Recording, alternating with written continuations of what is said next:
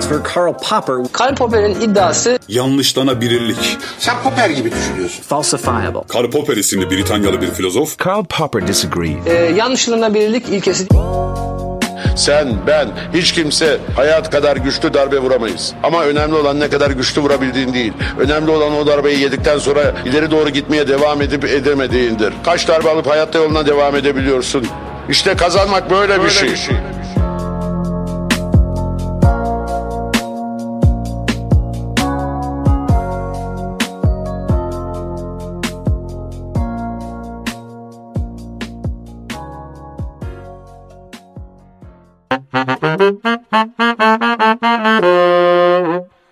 Hayatın denklemleriyle bilimin teorisi. Gayri safi fikirler.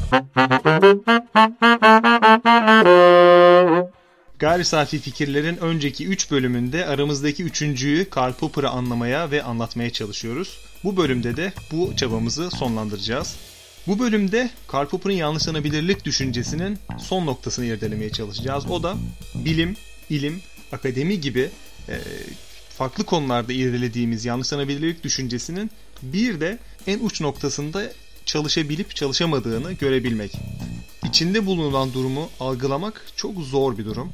Yakın bir gezegenden dünyaya baktığımızı düşünelim. Yani bu metaforla düşündüğümüzde aslında e, olayların dışından yaklaşabileceğimizi düşünüyorum. Eleştirel düşünceyi olaylara yaklaşımımızda kullanmak çok mantıklı. Hatta insan dışı canlılarda bile bunun yaşandığını, bunun uygulandığını söyleyebiliyoruz. Amipten Einstein'a metaforunda olduğu gibi. İnsanlığın her döneminde kritik kararların seyrine baktığımızda tam olarak bu akışla karşılaşmıyoruz. Kritik düşünceden daha etkili ve yapısı gereği yanlışlanamayacak bir kurum olduğunu görüyoruz. O da inanç sistemleri, inanç. Eleştirel düşüncenin iyiliğin, doğrunun ve gerçek bilginin elçisi olduğu fikrini öne direkt olarak sürmüyorsak inançların da gerilemeyi beraberinde getirdiğini varsayamayız. Burada konu inanç sistemlerinin etkinliği, doğruluğu ya da yanlışlığı değil, onların kenara itilemeyecek bir gerçekliğe sahip olması. Sanırım meşhur argüman ilk kez çalışacak. O da fil dişi kulesinden inmesi gereken bir felsefi görüş var. Özü ve işleyişi gereği yanlışlanamayan inançla eleştirel düşünce aynı anda bulunabilir mi? Yoksa inançlı bilim insanı iki yüzlüdür argümanıyla bilim insanı tüm fikirlerini laboratuvar dışında bırakır argümanı iki ayrı kutbu mu oluşturur? Tabii burada bilim insanlarının psikolojisinden bahsedersek e, çok karmaşık, labirentvari bir dünyaya gireceğimiz kesin. Çünkü bilim insanları aslında daha önceki modellemenin yani pozitivist modellemenin düşündüğü ya da idealize ettiği veya olmasını beklediği biçimde nötr e, doğa veya gerçeklik gözlemcisi tüm dogmalarını, inançlarını ve hatta tüm deneyimini, tüm varsayımlarını kapının dışarısında bırakıp gerçeklikle, çıplak gerçeklikle nötr bir şekilde yüzleşmiş e, kişi midir diye sormak gerekiyor. Aslında Karl Popper da yani aramızdaki üçüncü de bunun böyle olmadığını daha başta söylemişti. Çünkü varsayımlarımız yoksa yani öncel e, problemleri tespit etmemizi yarayan, yarayan çerçeveler yoksa gözlem de yok ve dahi bilim de yok demişti. Yani bilim gözlemle değil, bilim problemlerle başlar. Ama Amip'ten Einstein'a kadar dediği bu yöntemin temelinde de bu vardı. Her şeyin başında bir problem tespiti var. Peki problemleri nasıl görüyoruz? Aslında bu önsel dediğimiz daha doğrusu veya başka bir ifadeyle felsefe içi bir teknik tabirle a priori dediğimiz yani deneyimden önce gelen bir şeyleri gerektiriyor. Bu da çerçeve diyebileceğimiz bir şey. Bu çerçevenin kaynağı nedir diye sorduğumuzda Karl Popper'ın söyleyeceği şey şu bilim kuramı açısından veya bilim teorisi açısından bu konu dışıdır. Bu inanç sistemleri de olabilir, metafizik de olabilir, e, sezgi bile olabilir. Ama bunların hiçbiri tabii ki genel geçer ve bir kural koyucu bir şekilde tek kaynak benim diyemez. Burada tekrar altın çiziyorum. Karl Popper için bu bilim teorisi açısından konu dışıdır. Önemli olan bu çerçeve yani varsayım, hipotez bizim problem görmemizi sağlayan ve dahi çözme girişimi olarak gündeme gelmiş hipotez bu noktadan sonra yani gündeme geldikten sonra bilimsel mi değil mi sorusuna yanıt verebilip ver, verebilir olup olmadığı üzerine. Şimdi şunu söyleyebiliriz. Aslında inanç sistemlerinde kapsayacak şekilde daha primitif noktada mitolojik kurgular veya başındaki o mitoloji de atalım kurgular dediğimiz şeylerde temel varsayımlar olarak işlev gördü insanlık tarihinde ve hala görmekte. Çünkü gerçekliği bir şekilde görmek zorundaysak takacağımız bu çerçeveler yani gözlüklerin nereden geldiği önemli değilse o halde takmak zorundaysak başka türlü bir şey tespit edemiyorsak bu noktadan sonrasına bakacağız. Yani şunu söyleyebiliriz gerçekliğe tezahür etmeden önce gerçekliğin tezahürü olabilmek. Şimdi bunu biraz açalım. Şimdi gerçekliğe her kurgu tezahür eder. Diyelim ki depremlerin sebebi nedir dediğimizde Apollon'un sinirlenmesi dese antik Yunan mitolojisi bu bir açıklama biçimi, bir tür çerçeve ve bu gerçekliğe tezahür eder, özellikle sosyal gerçekliğe. Çünkü depremleri engellemenin, önlemenin veya daha az hasar almanın yolu Apollon'u mutlu etmekten geçecektir. Soru biçim değiştirir. Peki Apollon'u nasıl mutlu edeceğiz veya onun kızmasını nasıl engelleyeceğiz? E zaten bu kurguya içkin bir şey var.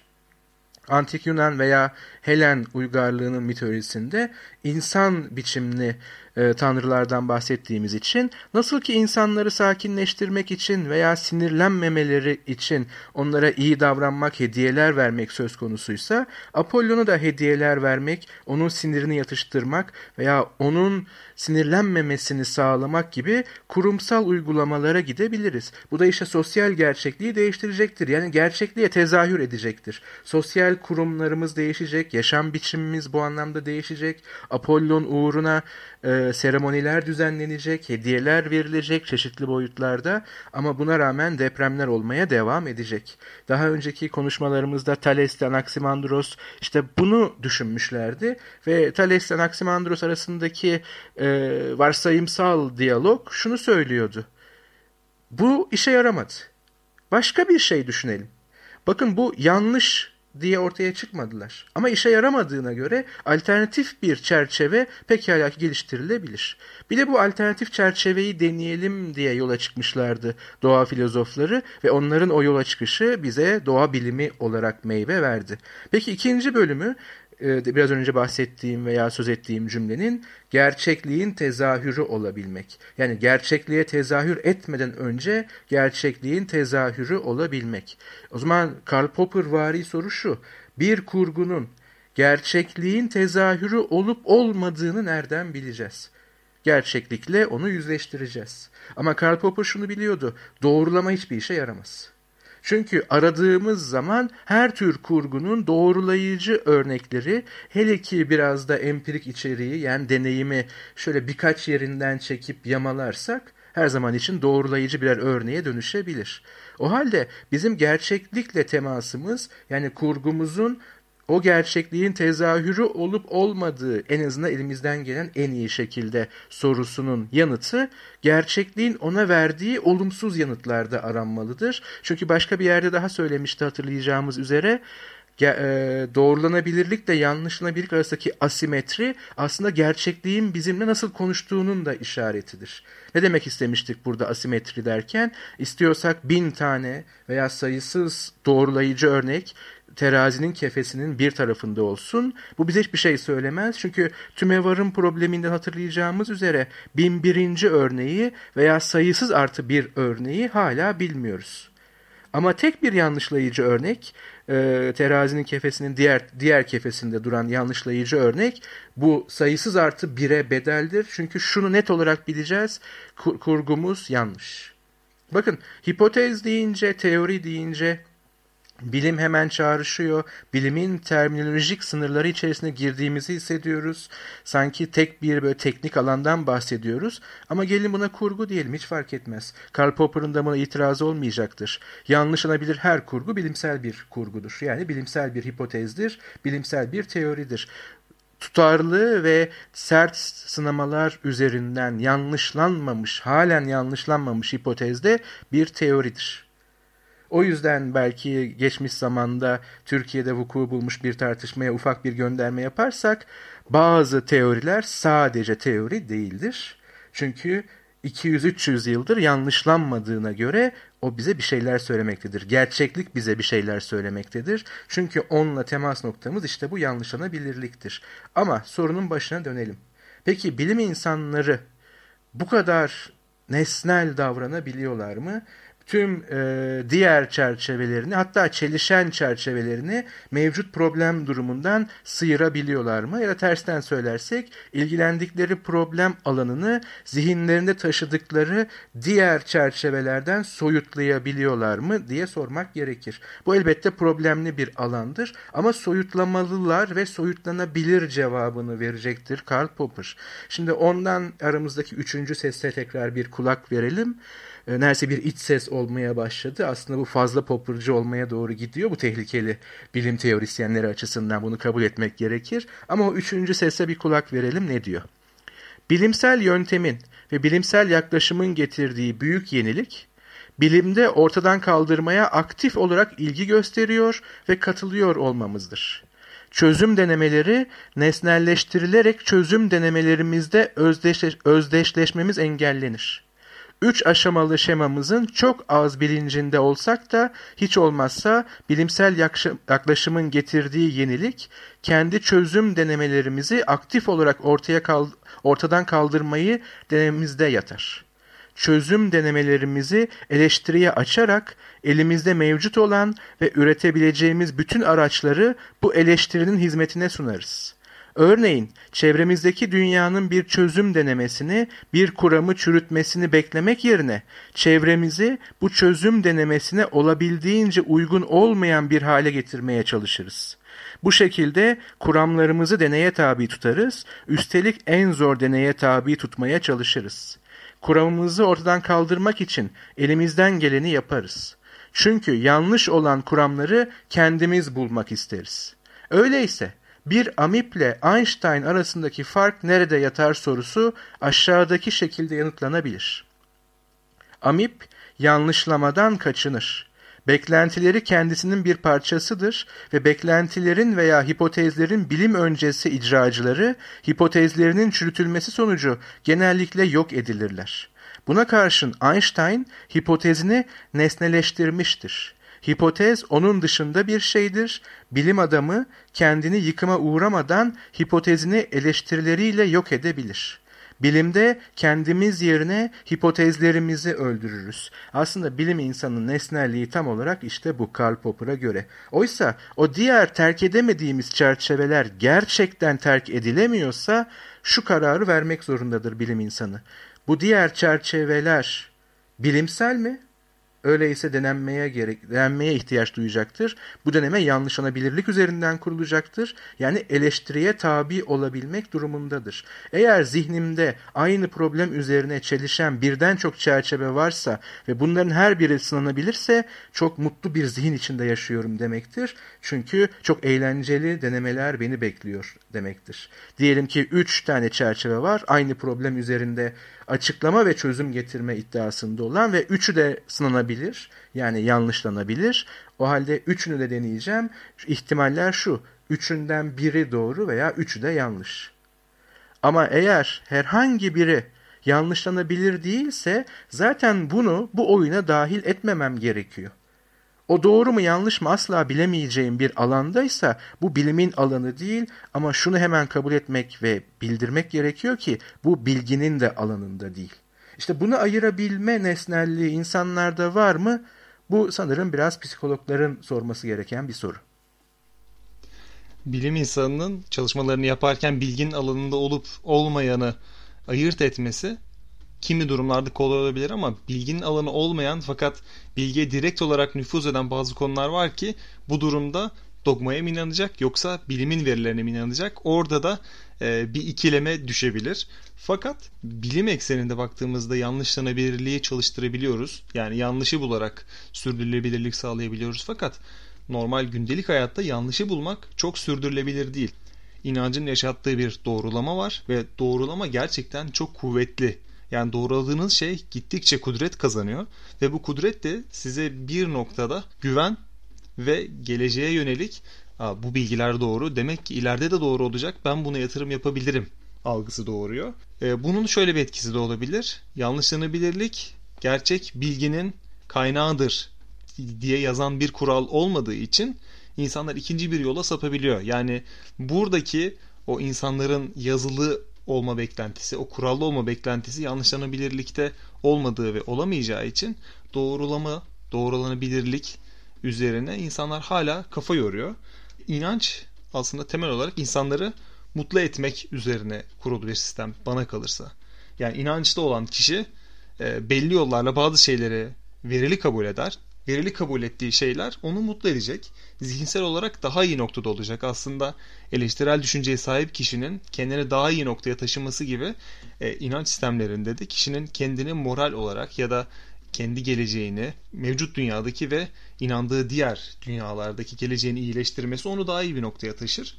Değiştirebileceği sınırlı şeyler uğruna sorun çözme becerisinden vazgeçmez. Yani bu durumda baktığımızda inanç da aslında doğrulama ekseninde bir sorun çözme biçimidir diyebiliriz gibi geliyor bana.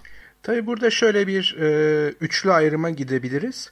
E, bu tarz kurgusal e, açıklama denemelerinde tabii ki mutlu olmak e, söz konusu olabilir veya böyle bir hedef olabilir ama bunun altını biraz kazıdığımızda en azından psikolojik olarak şunları göreceğiz. Mevcut durumu adla, anlamlandırmak Böylece yabancı bir yer yerine kendimizi evimizde hissetmek diyebiliriz tabii metaforik olarak. Bu da güvenli bir yer ve güvenli bir gelecek beklentisidir.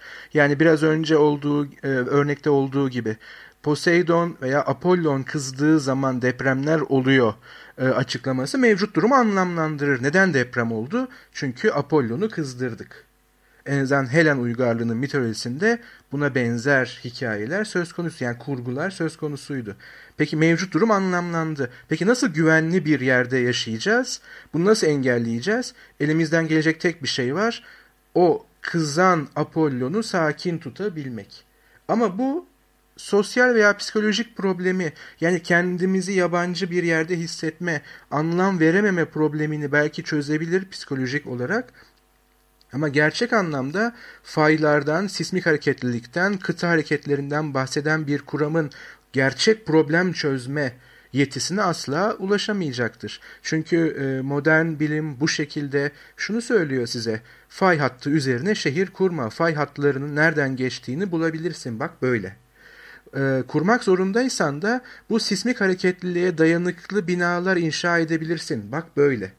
Bak böyle dediği her e, öneri sınanmaya açık, yanlışlanabilir. Her yanlışlanmış öneri düzeltilebilir demektir. Güçsüzlüklerinden arındırılabilir demektir. İnsan yetilerinin mümkün olduğu ölçüde tabii ki. Oysa depremlerin neden olduğunu örneği oradan verdiğimiz için anlamlandırmak ne depremleri engelleyecektir ne orada nasıl bina yapmamız gerektiğine konusunda bize bir e, yol veya şema verecektir ne de deprem sırasında ve sonrasında ne yapmamız gerektiğini bize söyleyecektir.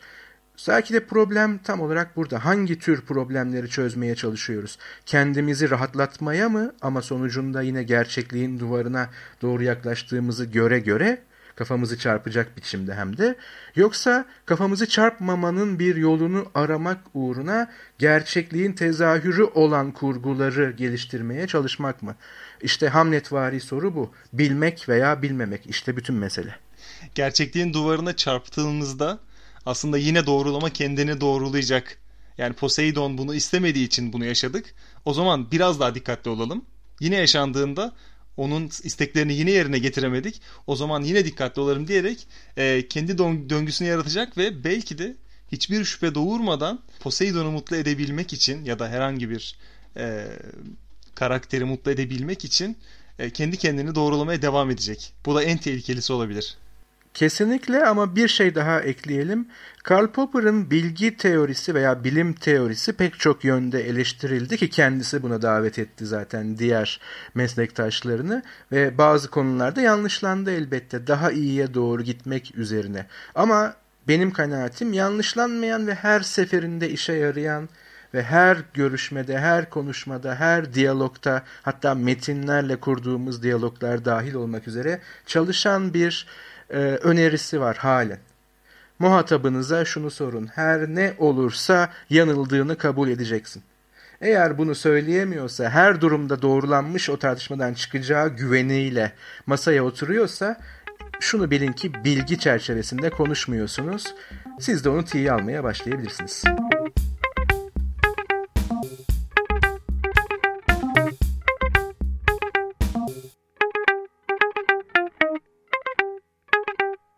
Eleştirel düşünce ve inancın aynı evrende mümkünlüğüne bir tezat olarak ele almadan önce bu konuda yapılan çalışmalara göz atmak gerekiyor. Ben bu konuda yaptığım çalışmalarda iki farklı uç kanat gördüm. Bir kanat eleştirel düşünce ve inancın tam anlamıyla zaten aynı evrende bulunduğunu ve bu ikilinin aslında ayrılamaz bir bütün iki parçası olduğunu sağlayan çalışmalar.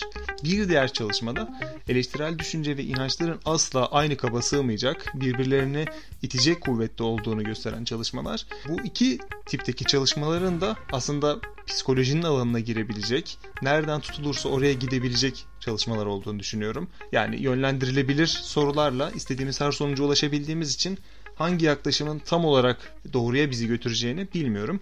Ee, benim eriştiğim e, Scientific American'da e, yayınlanmış bir çalışma var. Bu çalışmaya göre bu çalışma aslında sistem yaklaşımı üzerine ilerliyor. Daniel Kahneman'ın e, sistem 1 ve sistem 2 yaklaşımını eleştirel düşünce, sanat ve inanç üçgeninde irdelemiş. E, bu çalışma temel olarak e, sistem 2'nin yani analitik düşüncenin, eleştirel düşüncenin şekillendiği kısmın e, sistem 1 ile tam olarak e, zıt şekilde ilerlediğini gösteriyor. E, kişilere gösterilen, kişilere anlatılan bazı tabloların, bazı sanat ürünlerinin sistem 2'yi tetikledikten sonra eleştirel düşüncenin tam da bu noktada inançla ilgili bazı soruları, bazı yaklaşımları baskıladığını gösteriyor. Tam olarak e, doğruyu yansıtıp yansıtmadığı konusunda bir bilgimiz yok. Sonuçta psikoloji üzerine yapılmış bir çalışma. Fakat tam da inanç sistemlerinin ve eleştirel düşüncenin birbiri üzerindeki etkisini Kuhn da netleştiriyor. Thomas Kuhn bir bilim filozofu. Kendisi diyor ki yorumlayarak alıntılıyorum. Bilim ve inançlar birbirlerinin yerini alabilecek aynı paydanın ürünleri değildir. Bilim doğrunun kaynağı değil, arayıcısıdır. Gerçeği arar fakat her daim yanlış basamağa da yakındır. Kuhn'un bu yaklaşımı esasen bilimin Tanrı'nın varlığını kanıtlayamayacağı gibi yokluğunu da ortaya koyamayacağı, daha doğrusu koymayacağını açıklar. Aslında Thomas Kuhn bilimsel yaklaşımda da bazı noktalarda dogmalar olacağını söyler ki onu önümüzdeki bölümlerde irdeleyeceğiz. Fakat genel olarak şunu söyleyebiliriz. E, bilim ve din farklı kulvarlarda ilerler.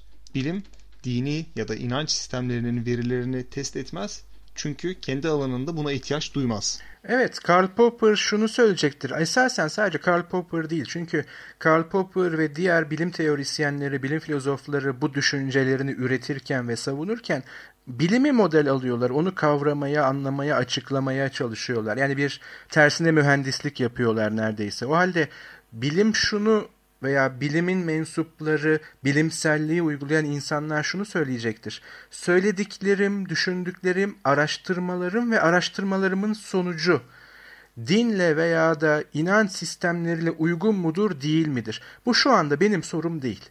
Benim sorum önüme koyduğum problemi bilgi çerçevesi içerisinde çözebilir miyim, çözemez miyim? Ve bunu sınayabilir miyim? Aslında bu kadar basit bir soru.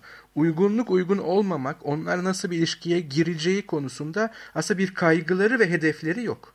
Pekala da uyuşabilir, pekala da tartışmaya veya kavgaya girebilir. Tarihsel örneklerde gördüğümüz gibi. Ama Aynı tarih bize şunu gösteriyor. Bilgi çerçevesi içerisinde kaldıkça bilimselliğin dediğinin doğru çıkma olasılığı çok yüksek. Ve şimdiye kadarki örneklerde doğru çıkma olasılığı yüze yakın. Yüzde yüz diyebiliriz. Ama şöyle bir şey söyleyelim e, dogmatik dediğimiz her zaman kötü bir anlam taşımıyor elbette. Yani körü körüne bir bağlılık durumu bilimin kendi içinde yok mu? Yani eleştiri şöyle gelir genelde. Bilim insanları da bilime inanmıyorlar mı? Aslında bu biraz yanlış kurgulanmış bir soru olsa da içinde verimli bir tartışmayı açabilecek bir potansiyel de taşıyor. Şimdi yine adım adım gitmeye çalışalım. Karl Popper şunu söylemişti yanlışlanmaya direnme veya da yanlışlandığı zaman bir bilim insanının neler hissedebileceği konusunda.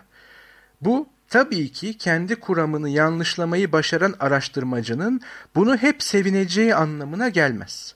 Kuram zaten kendisi tarafından bir çözüm denemesi olarak ortaya atılmıştır. Bu da demektir ki kuram çetin sınavlara dayanabilecektir.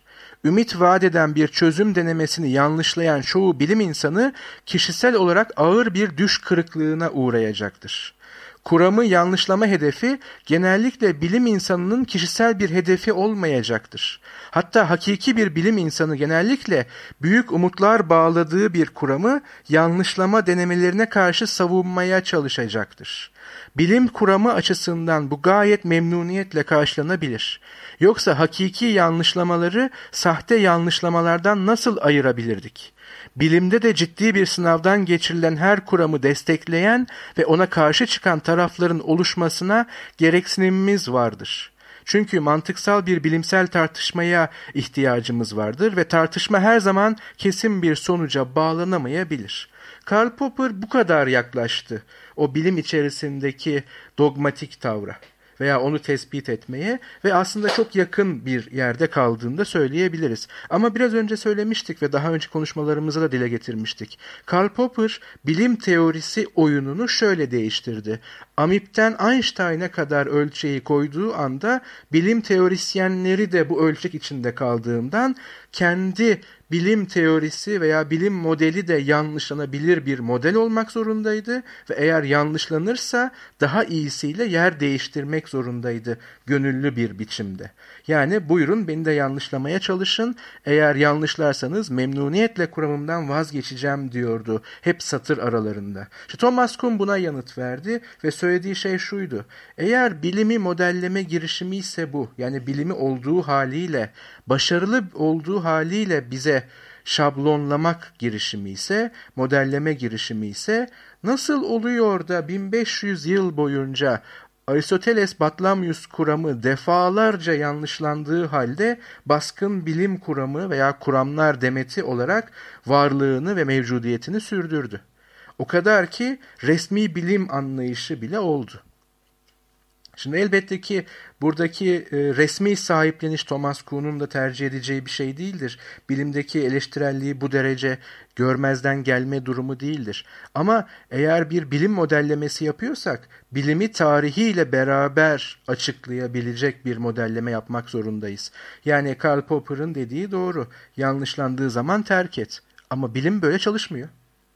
O idealize edilmiş bir bilim olmasın sakın dedi Thomas Kuhn. Sir Karl Popper'a. Çünkü gerçekten Sir ünvanı vardı.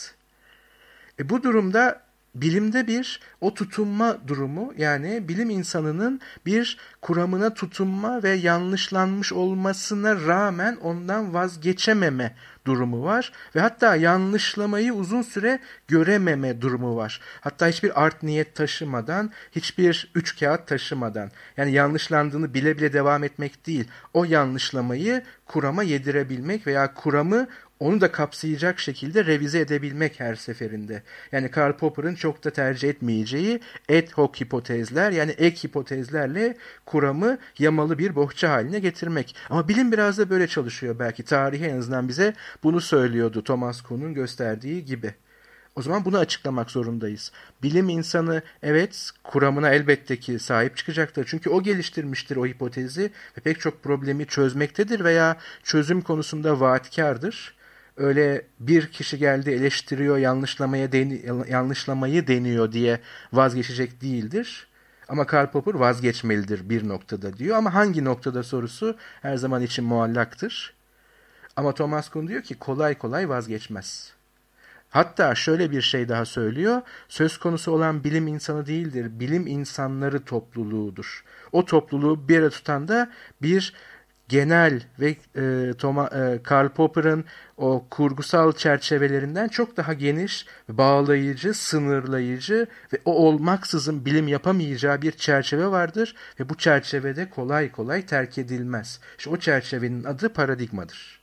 O halde paradigmaya bağlı bilim topluluğu onun sayesinde bilim yapabildiği, onun sayesinde gerçekliği kavrayabildiği için gerçekliği kavrayabildiği aracı birkaç empirik yanlışlama girişimiyle terk etmeyecektir. Önce bunu anlamlandırmaya, yani biraz önceki sohbetimizde söylediğimiz gibi çerçevesini buna göre adapte etmeye veya o anlamı çerçeveye yedirmeye çalışacaktır. Neredeyse bir inanç sistemi gibi ama neredeyse.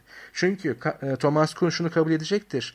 Diğer alanlarda yani inanç sistemlerinde, sanatta veya diğer kurgusal alanlarda paradigmalar yoktur. Paradigma sadece bilime has bir terminolojik çerçevedir veya da tespittir böyle söyleyelim. Paradigmatik olmak bilimselliğin göstergesidir ve bunun en açık göstergesi de kendi ifadesiyle bulmacalara yani problemlere sahip olmak ve bunların çözüm denemeleri olmaktır. Yani e, işin genetik köklerinde Thomas Kuhn için konuşuyoruz. Hala Karl Popper'ın sesi yankılanıyor ama Karl Popper'ı yanlışladığını iddia eden ve problemi de dönüştüren yani bilimi tarihiyle beraber kavramamız gerekir ve bilim tarihinde dogmatik dönemler vardır. Her bir paradigmanın buna olağan bilim diyecektir. Daha sonra üzerinde duracağız. Ve eğer bu dönemler olmasaydı yeterince derinleşemeyecektik gerçeklikte diyecektir. Ki bu yepyeni bir bilim teorisi anlamına gelmekte. Thomas Kuhn üzerine konuşacak çok şey var ve bu konular çok heyecanlı konular. Önümüzdeki bölüm ya da bölümlerde onu daha detaylı inceleyeceğiz. Ama hemen şunu e, bir uyarı olarak sonra fikir değiştirebiliriz ama söylemekte fayda var. Tekrar ediyorum, Thomas Kuhn çerçevesinde konuşurken paradigma sadece bilime özgüdür. Her önünüze gelen şeye paradigma demeyin.